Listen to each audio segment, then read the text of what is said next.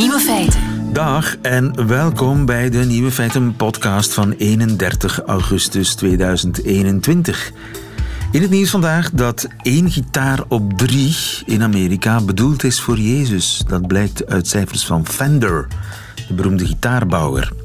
Fender kon in 2020 de vraag naar gitaren nauwelijks bijhouden, onder meer omdat tijdens de lockdown heel wat mensen gitaarriffjes wilden leren oefenen. Maar dus ook veel predikanten kochten het voorbije jaar een nieuwe gitaar om het woord Gods te verkondigen. En dat hoeft niet te verbazen volgens een doctoraatstudent liturgische studies in de Amerikaanse media. Volgens hem praten predikanten maar over twee dingen: God en hun gitaar. Een gitaar is voor hen een reisgenoot en een nieuwe gitaar hoort bij een nieuwe fase in het leven. Veel predikanten voelen sinds de coronacrisis dat mensen meer nood hebben aan het woord Gods. En bij vernieuwde interesse voor het woord Gods hoort kennelijk ook een nieuwe gitaar. De andere nieuwe feiten vandaag. Bart Stouten gaat met pensioen. De wereld zal nooit meer dezelfde zijn. Pedagogen ontdekken een nieuw fenomeen: aandachtsbesmetting. Vrouwelijke kolibries tooien zich vaak met een mannelijk verenkleed om agressieve mannetjes te misleiden. En de nieuwe feitenchecker zoekt uit of Pfizer wel echt zijn definitieve goedkeuring heeft gekregen in Amerika. De nieuwe feiten van Nico Dijkshoorn hoort u in zijn middagjournaal. Veel plezier. Nieuwe feiten. Radio 1. Altijd benieuwd. Vlaanderen neemt vandaag afscheid van een cultureel icoon. Bart Stouten van Clara die gaat met pensioen. Zijn laatste uitzending is bezig. Uit Inspector Morse, muziek van Barrington Fellon door een studioorkest. We luisteren even En als mee. het goed is, dan gaat zich nu een eh, soort eh, klein historisch moment voordoen. We gaan een verbinding maken met Radio 1. Dus de luisteraar van Klare, u dus, zal even Radio 1 erbij krijgen. Want daar is op dit moment Lieve van den Houten aan het uitzenden. Bart. En ik heb begrepen, Lieve, ben je daar? Ik ben daar. Jij wij daar. zweven al samen door de ether. Het is al gebeurd, het mirakel. Het mirakel heeft zich voltrokken. maar wij zijn ook nooit ver van elkaar. Hè? Alleen zitten- een paar gangen zitten- scheidt ons. Jij zit op de eerste rij in mijn hart, lieve. Eh, wederzijds, eh, Bart. Kijk, en kan het mooier. Ik ben het nog aan het verwerken dat jij met pensioen gaat. Is het echt waar? Het is, nee, het is een, het is een verdwijntruc van mij. Ik ga weg en ik ga terugkomen. Nee, het is, het is echt waar. Het is echt waar, lieve. Ik vind dat dat niet mag. Dat ik met pensioen ga. Nee, omdat heb- dat is ben- identiteitsverlies voor Vlaanderen. Oh, Bart lief dat je dat Stouten, dat is zoiets als de kathedraal van Antwerpen. Dat is zoiets als Oh, lief. koffie, de zon. Dat, dat is er gewoon. En dat uit jouw mond, wauw. En dan geloof ik het ook. Als jij het zegt, geloof ik geloof alles wat jij zegt. Als ik 's middags naar huis reed destijds, dan luister ik zo graag naar jou. Dus alles wat je daar debiteert, dat neem ik aan voor waar. Dus kijk, wat een compliment. Dank je wel, lieve. Is het van Maar je moedens moet ook- of heb je er echt naar verlangd? Nee, ik heb niet afgeteld, ik heb eerder opgeteld. Ik eh, vind het eh, verschrikkelijk dat ik weg moet. Maar eh, van de andere kant vind ik het ook wel tijd voor een jonge generatie natuurlijk om over te nemen. En ik hoor Fuck die mensen. De jonge generatie. Ja, de jo- ja, zo praten we hier bij Clara. Oh, sorry. Ja, nee. Ja, ik vergeet even dat we op de radio zijn. Jeetje, we zijn op de radio, We zijn niet, we zijn niet in, een, in, een, in een café, dat is ook altijd leuk als we samen uitgaan. Maar, Nee, ik bedoel maar, er zijn genoeg mensen die minder goed zijn dan jou. En die moeten er maar uit, denk ik, om plaats te maken voor jonge mensen. Maar dus, eh, mag je niks meer doen? Ik hoop wel. Ik, ik, ik heb gezegd tegen Clara, het is zoals in een huwelijk. Het moet langs beide kanten gewild zijn. De deur bij mij staat open. En dan is het aan Clara om de voet tussen die deur te zetten. Of die deur wat wij- wijder open te zetten of zo. Ik ben er, ik blijf er. Ik ben aanspreekbaar. Maar ja, ik ga zelf mezelf... Ik ga niet leuren met mezelf. Dat doe ik niet. Ik heb jou in de ochtend eh, een zen-boeddhist genoemd, omdat eh, zodra je op de radio eh, bent en jij klinkt in mijn woonkamer, dan daalt er een, een sereniteit neer. Dat is een mooi woord voor, voor Radio 1, sereniteit. Ik dacht dat jullie zo'n woorden daar niet gebruikten. Maar ja, dat klopt wel natuurlijk. Ik ben een zen-boeddhist. En ik ben altijd eh, bezig met de sunyata, met de diepere werkelijkheid. En eh, ja, radio is een fantastisch kanaal, maar tegen wie zeg ik het, dat weet jij ook. En je moet toch via dat kanaal proberen die diepere werkelijkheid aan te boren of vonkjes naar de luisteraar te brengen die hen in staat stellen om even contact te krijgen met ja, diepere lagen in zichzelf. Weet je dat niet? En jij doet dat op een manier die mij persoonlijk aanspreekt. Het lijkt alsof je tegen mij en mij alleen praat. Maar ik denk vaak aan jou. En die luisteraar, dat is iemand die naast me zit in de auto. Zo zit ik hier te presenteren. Ik denk aan een ingebeeld wezen. En vaak ben jij dat. Iemand met, wie ik op stap ben. Naar Je doet me blozen, Bart. Maar eigenlijk moeten we gewoon nog eens op stap gaan, denk ik dan liever. We moeten dat eens doen. Opnieuw. Toen eh Annemarie, zeker, we, we pakken de agenda. Toen Annemarie Koeberg, eh, nog een ander cultureel icoon, afscheid nam van de Ja, radio, Annemarie. afscheid nam van Clara. Toen zei ze de gevleugelde woorden: radio is iemand. En dat vond ik een hele correcte, beknopte definitie van wat radio is. Ja, radio is iemand. Radio is, is heel veel iemanden. En radio is een kring, een groep van iemanden. Allemaal mensen die uniek zijn, maar die elkaar toch wel nodig hebben en verlangen naar elkaar. Zo zie ik dat. Eh, je hebt in eerdere interviews ook gezegd dat je heel hard gewerkt hebt altijd. Ik vroeg mij vaak af, als ik je bezig hoorde, he- heeft hij alles vooraf bedacht? Staat alles op papier? Nee, niet alles staat op papier. De hoofdzin wel, maar de bijzinnen staan niet op papier. Die schud ik er uit mijn mouw bij. En dat doe ik heel graag, want ik, bedoel, ik heb ook een tijdje ingeblikte radio gemaakt, maar dat vond ik vreselijk. Ik vind live radio eh, moet, dat is, ja, dat is old school misschien, maar er gaat niets boven live radio.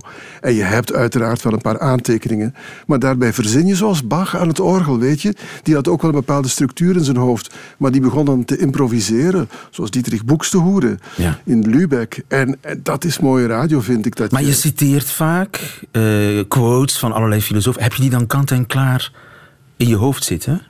Ik heb heel veel qu- quotes, klank... Oh, ik krijg het niet gezegd. Quotes, klant... eh, kl- Hoe zeg Het wordt tijd dat hij met pensioen gaat. Nee, ik heb er een aantal natuurlijk wel eh, meegebracht. Maar eh, het is ook een kunst om de dingen te parafraseren. Dus soms vind ik een quote en dan herwerk ik die naar deze tijd. Of naar mijn, naar mijn hart. Of naar wat het, de behoefte van de dag is. Dus je kan een quote... In een quote zit vaak een, een eeuwigdurende waarheid... die je toch een beetje kan modelleren naar wat er hier en nu gebeurt. En dat is wat ik wel betracht. En natuurlijk is er is er de poëzie, hè, de verzen... Ja. die ik altijd op zak heb. Van anderen, van mezelf van eh Erwin Mortier, van heel veel Ja, andere mensen. Dus Dat hoofd van jou dat staat nooit, nooit stil, hè? nee, moet dat? Nee, natuurlijk niet. Maar het, is, het was een voorrecht om daar getuige Kijk, van te zijn al die twee, jaren. Het zijn twee continenten. Hè? Die muziek is een exotisch continent. Nu staan er allemaal mensen te wuiven naar mij. En het woord is ook een exotisch continent. En die schuiven naar elkaar toe. En daar ergens op de plek waar ze elkaar raken, daar ben ik. Wat ga je nu doen? Wat ik nu ga doen, ik hoop nu hele mooie muziek te draaien van de vriend van Proest, Rinaldo Haan. Dat is op korte termijn, maar daarna op langere termijn. Ah, ik ga filosofie studeren aan de Echt? Universiteit van Antwerpen, ja. Je wordt student. Ik word weer student. Ik ga met de studenten dineren 's middags. Ik ga in de hoorcolleges zitten. Ik ga misschien ook wel uitgaan met hen, dat zou mooi zijn. Maar ik ga echt waar, ik ga filosofie studeren. En mijn interesse ligt vooral in de middeleeuwse filosofie. Ik heb daar een zekere basis over, maar ik wil die uitdiepen. Ik hoop je snel op de radio terug te horen. En ik ga nu meeluisteren met hoe jij... Wat was het? Eh, wat, wat- ga je Schubert, Schubert aankondigen? Nee? Rinaldo Haan, de vriend van Proest. Oké. Dat zou ik dan zo doen. Dus nu live op Clara. En op Radio en, 1. En op Radio 1, ja. Wel, luisteraar, mijn ideeën over muziek en woord zijn aangescherpt door het medium radio.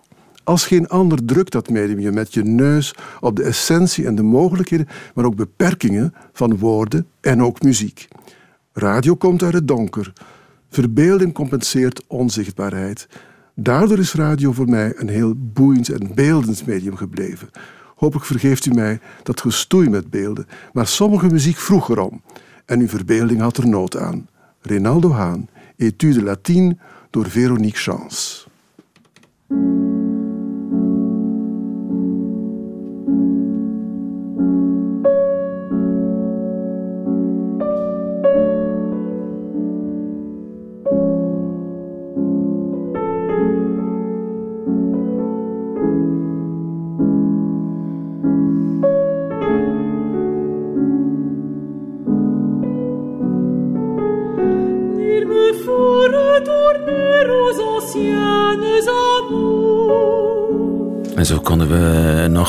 Fragment meepikken van eh, Bart Stouten, de man, eh, het radio-icoon, het culturele icoon. Bepalend voor de culturele identiteit van Vlaanderen, wat mij betreft.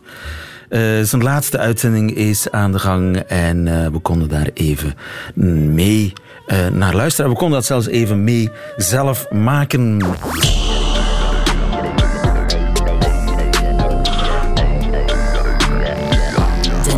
Feitenchecker. Hij komt geen dag te vroeg, de nieuwe feitenchecker, in eh, deze zogeheten post-truth tijden waarin feit en fabel vrolijk met elkaar verward worden. Op de sociale media, waar, eh, een tijd waarin de realiteit aangepast wordt aan de agenda, aan de politieke agenda. En leugens niet langer leugens zijn, maar alternatieve feiten. Klopt. Dag Rien. Hoi, goedemiddag. Rien Emery. Ja. Bij deze benoem ik jou tot de nieuwe feitenchecker. Hoe voelt dat? Ik eh, aanvaard die functie eh, met plezier. Jij zweert de waarheid te zeggen en niets anders dan de waarheid. Altijd. Nu, mensen vrij- schrijven ons vaak en vragen eh, opheldering over hoe dingen nu echt zitten. Want het zijn eh, hoogdagen voor de complotdenkers, dat hoef ik u niet uit te leggen. En nu hebben we eh, post gekregen van eh Martien uit Merelbeke. En Martien uit Merelbeke die heeft ergens gelezen dat het helemaal niet waar is dat Pfizer nu definitief is goedgekeurd in Amerika door het gezondheidsagentschap. Stond wel in de krant vorige week, schrijft Martien, maar het is fake news, naar het schijnt. Ja, ik heb het ook gelezen. Dat circuleert heel Dat erg, hè? circuleert op sociale media, dat bericht. Ook, ook in, natuurlijk in Amerika zelf, waar het over gaat. Hè. Maar ook bij ons. Ook, eh, ook in het Nederlands. Ook in Nederland. Dus die Vlaanderen. definitieve goedkeuring die Pfizer zou gekregen hebben in augustus, dat klopt niet. Dat, dat beweert men, maar het klopt wel. Ah. Die definitieve goedkeuring is er wel degelijk. Het gaat om een misverstand. Zoals zo vaak.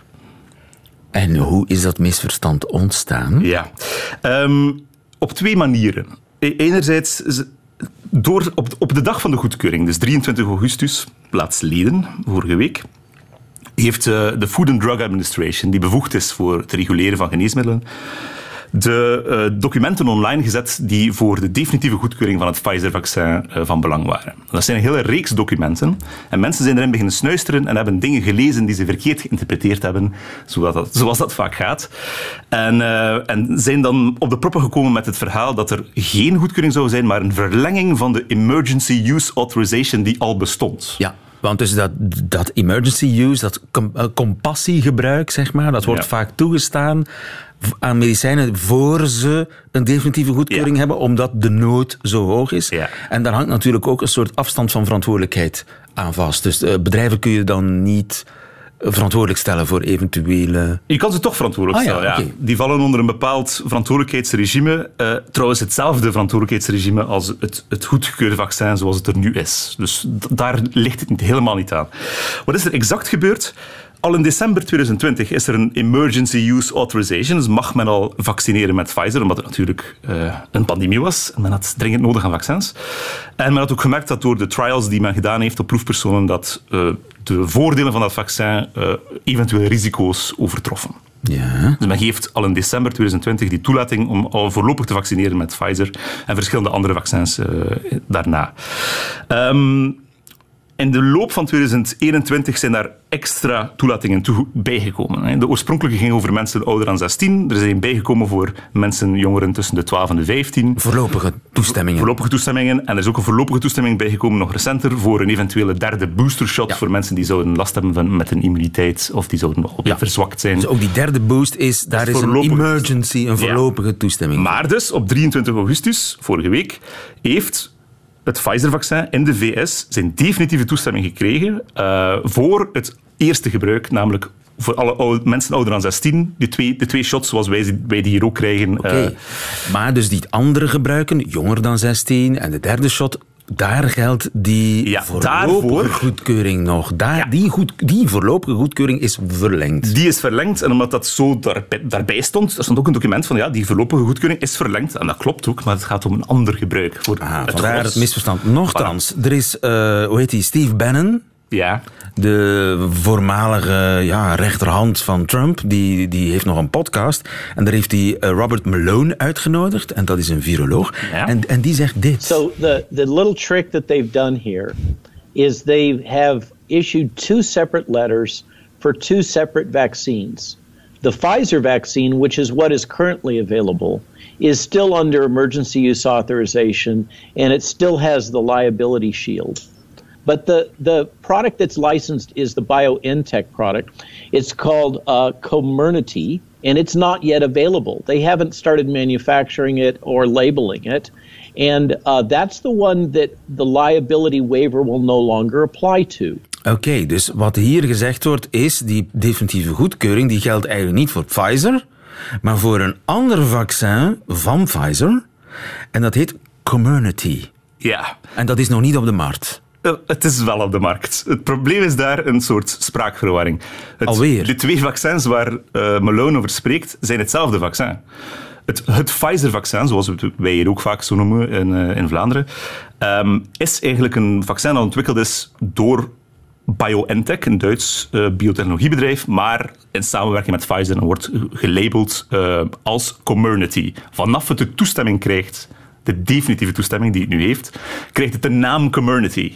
Dus het is hetzelfde vaccin, maar Malone heeft ondertussen al toegegeven aan de Washington Post van ik was uh, verkeerd geïnformeerd. Ook, Ja. ook als hij het over liability heeft, over die aansprakelijkheid. Juist, ja. Dus zolang je uh, geen definitieve goedkeuring hebt, kun je geen merknaam. Kan je geen merknaam gebruiken. En, dus, en vandaar dat eigenlijk de naam van de fabrikant is gebruikt Ja. tot nu toe. Voordien heette het Pfizer BioNTech, of kort gezegd meestal het Pfizer-vaccin. Nu spreekt men, mag men het onder de merknaam Community onder de markt brengen, maar in de volksmond blijft men spreken over ik ben gevaccineerd met Pfizer of Maar Moderna. het is precies hetzelfde Het is ding. precies hetzelfde ding. En ook, men heeft specifiek een extra document, dat dan de mensen meestal niet gezien hadden, op de website van de FDA, de Food and Drug Administration, gezet, waar dan specifiek in staat Community is hetzelfde als het Pfizer-vaccin. Ja. Die dosissen zijn inwisselbaar. Ja. De dosissen die geproduceerd zijn onder de voorlopige toelating mogen nu gebruikt worden alsof het de toegelaten dosissen zijn. Dus het is hetzelfde vaccin. Maar natuurlijk, zo iemand als Bern, die weet wel beter. Dus Die doet dat niet. desinformatie. Ja, die doet dat niet per ongeluk. Die doet dat niet. Dat is geen verwarring bij hem. Hij weet wel beter. Dit is wat hij, wat hij zelf noemt hij dat flooding the zone with shit. Zoveel mogelijk misleidende dingen de wereld insturen Ik om keur ervoor te zorgen. maar het gebeurt toch. Maar dus, dat zijn de twee manieren waarop zo'n zo'n zo'n verhaal opeens circuleert. En dat wordt dan vertaald in het Nederlands en circuleert dan ook bij ons op sociale media. Maar het is wel degelijk goedgekeurd. Helemaal helder, dankjewel Rien en Marie.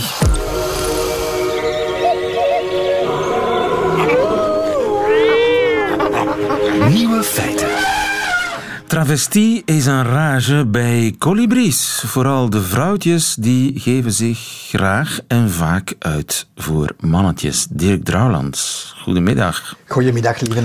Onze huisbioloog. Ja, ik kijk daarvan op. Jij natuurlijk niet, hè, want uh, jij hebt al wat meer gezien in de natuur. Maar in Amerika is er dus een studie gebeurd op de witnek-kolibrie. En daaruit blijkt dat één op vijf van de vrouwelijke witnek-kolibries ja, travestiet is. Uh, ja, het is, het is We moeten het zeggen zoals het is. Dat. We kunnen het niet ja, ontkennen. Voilà. Nee, nee, nee. Het is meer, iets, uh, meer een travestie. Het is meer iets uh, wat dat mijn kinderen non-binair noemen. Ah. Of genderfluïde. Want het verhaal is eigenlijk dat bij de kolibries, in tegenstelling tot bij de meeste andere vogelsoorten, de jonge vogels niet de kleuren van de moeder krijgen, maar de kleuren van de vader. Niet de kleuren van de vrouwen, maar de kleuren van de mannen.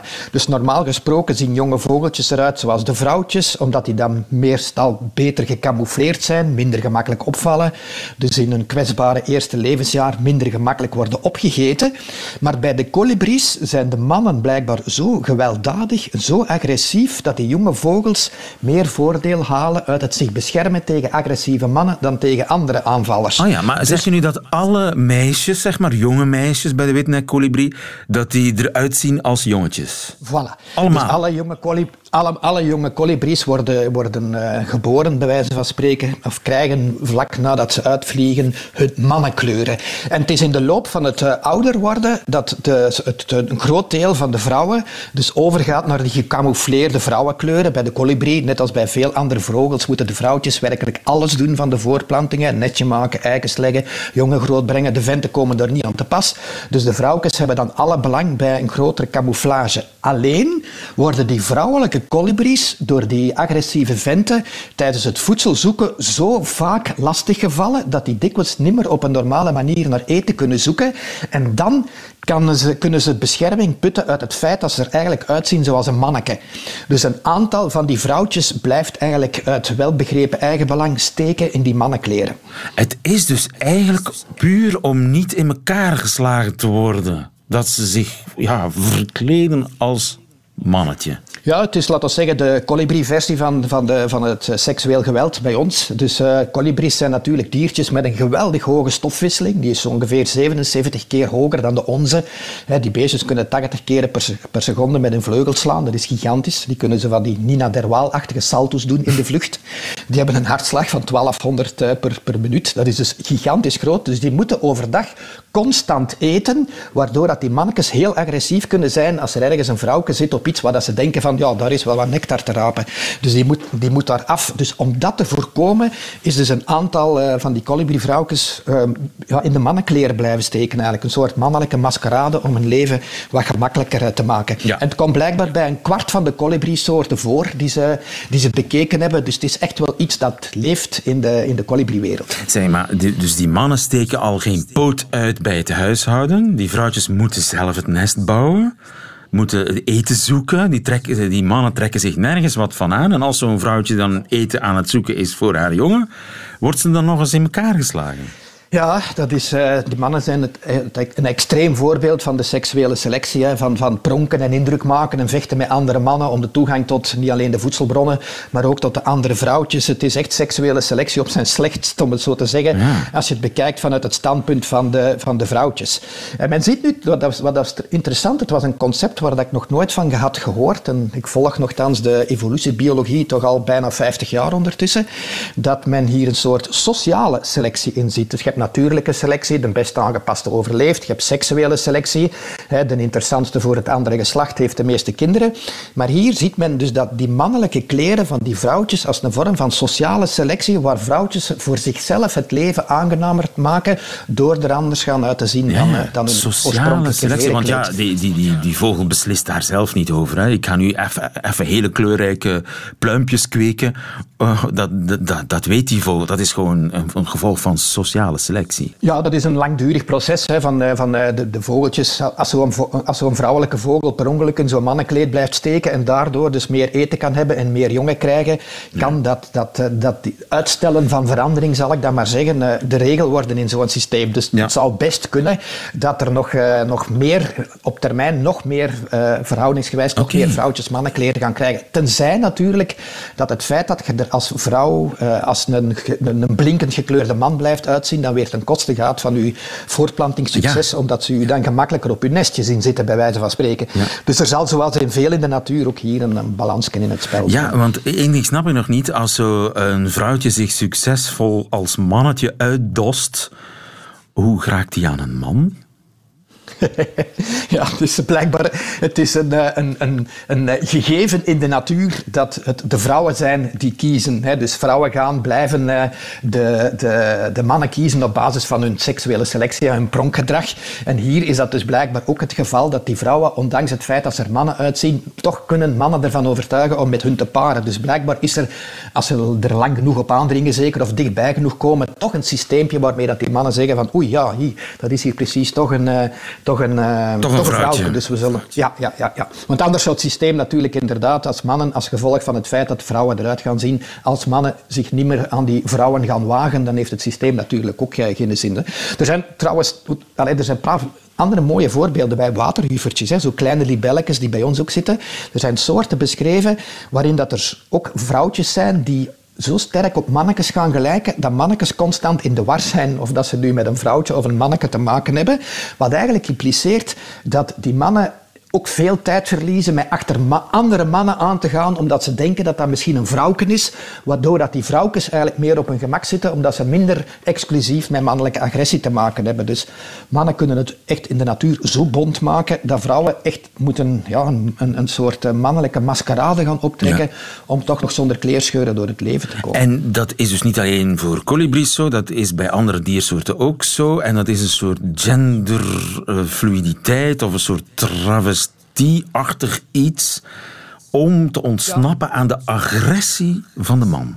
In dit geval wel, ja. Dus er zijn nog andere voorbeelden. Er zijn ook, ja, het omgekeerde gebeurt ook. Hè. Bij de kemphanen bijvoorbeeld zijn er mannetjes die er gaan blijven uitzien als vrouwtjes, omdat dat zijn dan meestal de ondergeschikte mannetjes die anders constant door die dominante venten op hun kop zouden worden gezeten. En nu houden ze die zich zo gedijst en die proberen dan door er wat als vrouwtje uit te zien, niet alleen eh, te ontsnappen aan de mannelijke agressie, maar dan in een duik toch ook nog ergens een paring met een vrouwtje dat misschien wat meer ziet in, in een nieuwe man dan in die agressieve venten te forceren.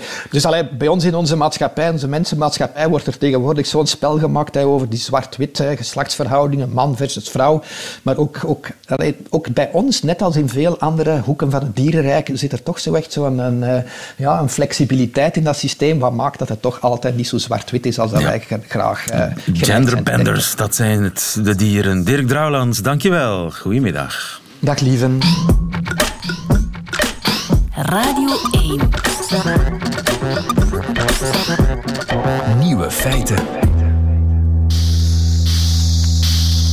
Pedagogen die hebben een nieuw feit ontdekt, met name aandachtsbesmetting. Pedro de Bruikere, goedemiddag.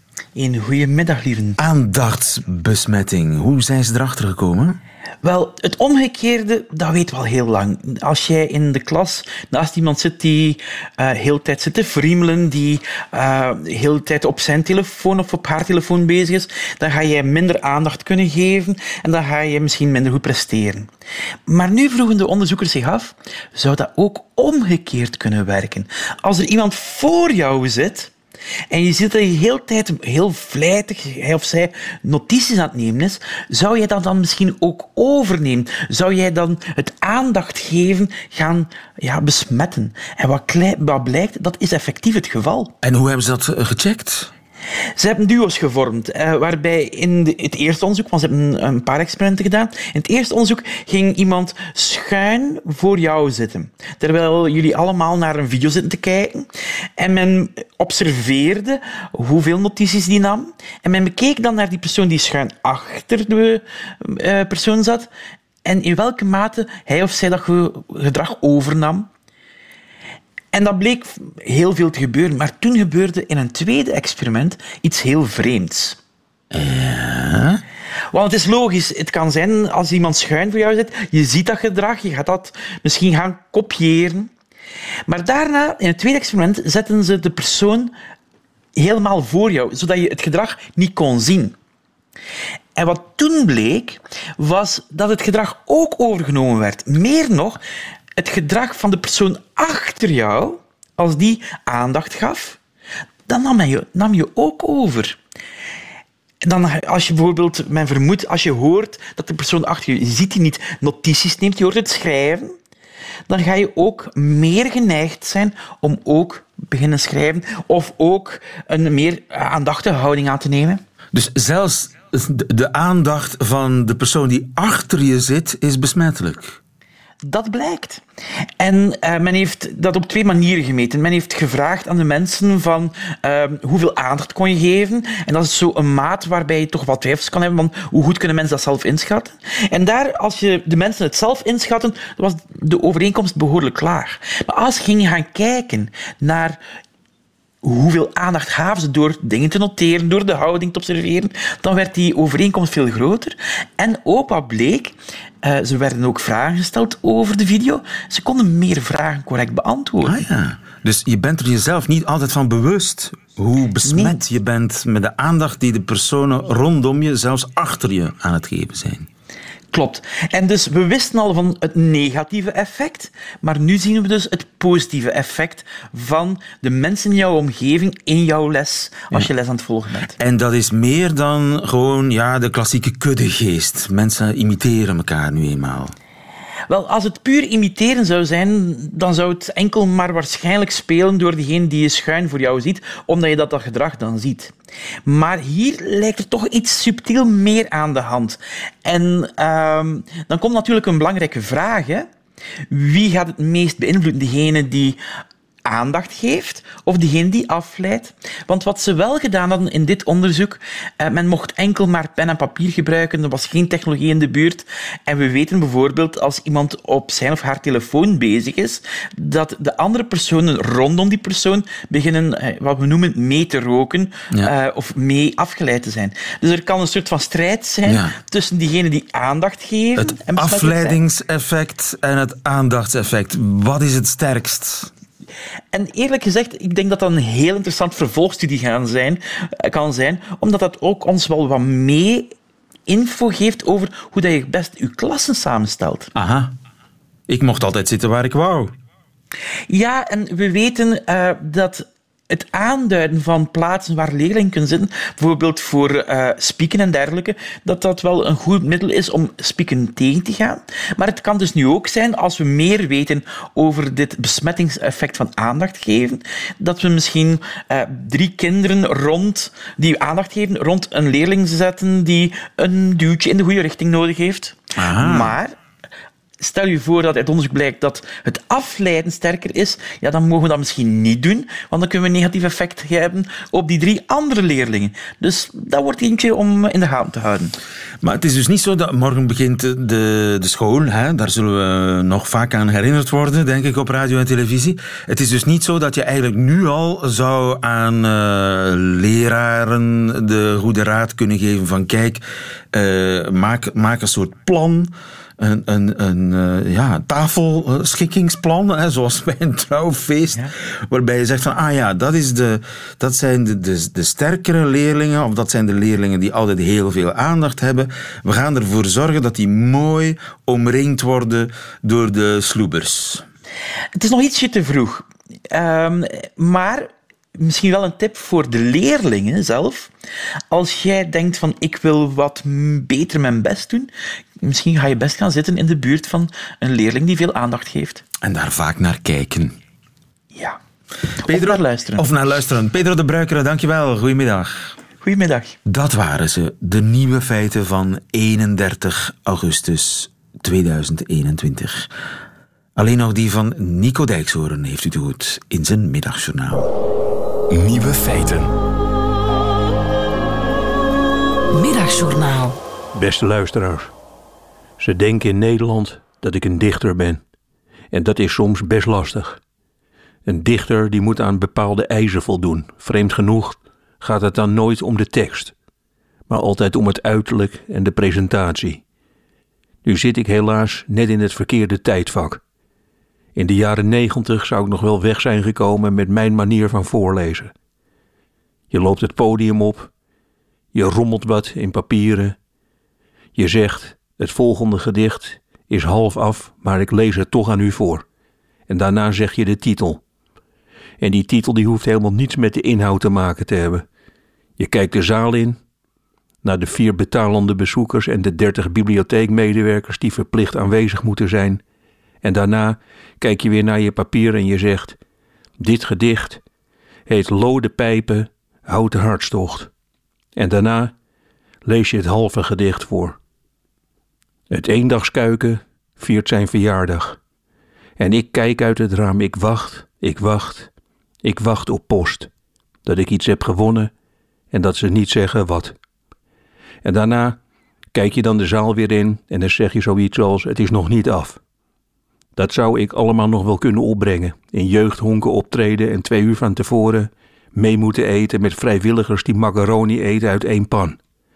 Spreken in een microfoon met batterijen en dat die altijd halverwege het optreden moet worden vervangen. Vlak na het optreden iemand naast je met zes plastic zakken vol met gedichten. Of je ze eens wilt lezen.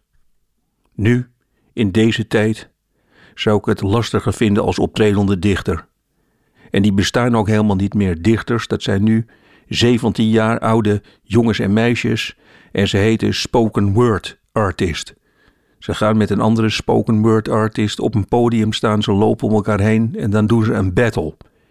Het fijne is wel dat je gewoon kunt zeggen wat in je opkomt. Het is al heel snel goed. Je gaat voor de andere dichter staan, je wijst heel veel naar hem of haar. En dan zeg je: Kaarsvet, kaarsvet is vet, vetter dan het heetste vet in mijn bed. Nee, ik wil geen raket, omdat ik het hier wel op aarde red. Dat maakt me sad, dit is mijn gebed, dit is mijn gebed. Niemand wordt gered, mag ik twee friet met. Klaar.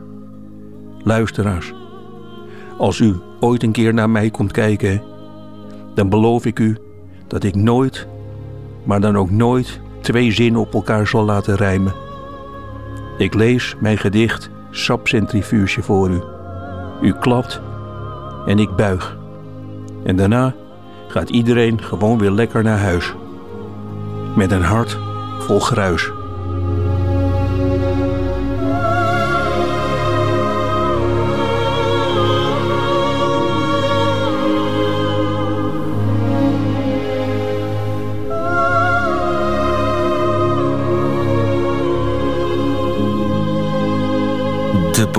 Nico Dijkshoorn in uh, zijn middagjournaal. Einde van deze podcast. Hoort u liever de volledige nieuwe feiten met de muziek erbij? Dat kan natuurlijk ook via onze website of via onze app, Radio 1 app. Tot een volgende keer.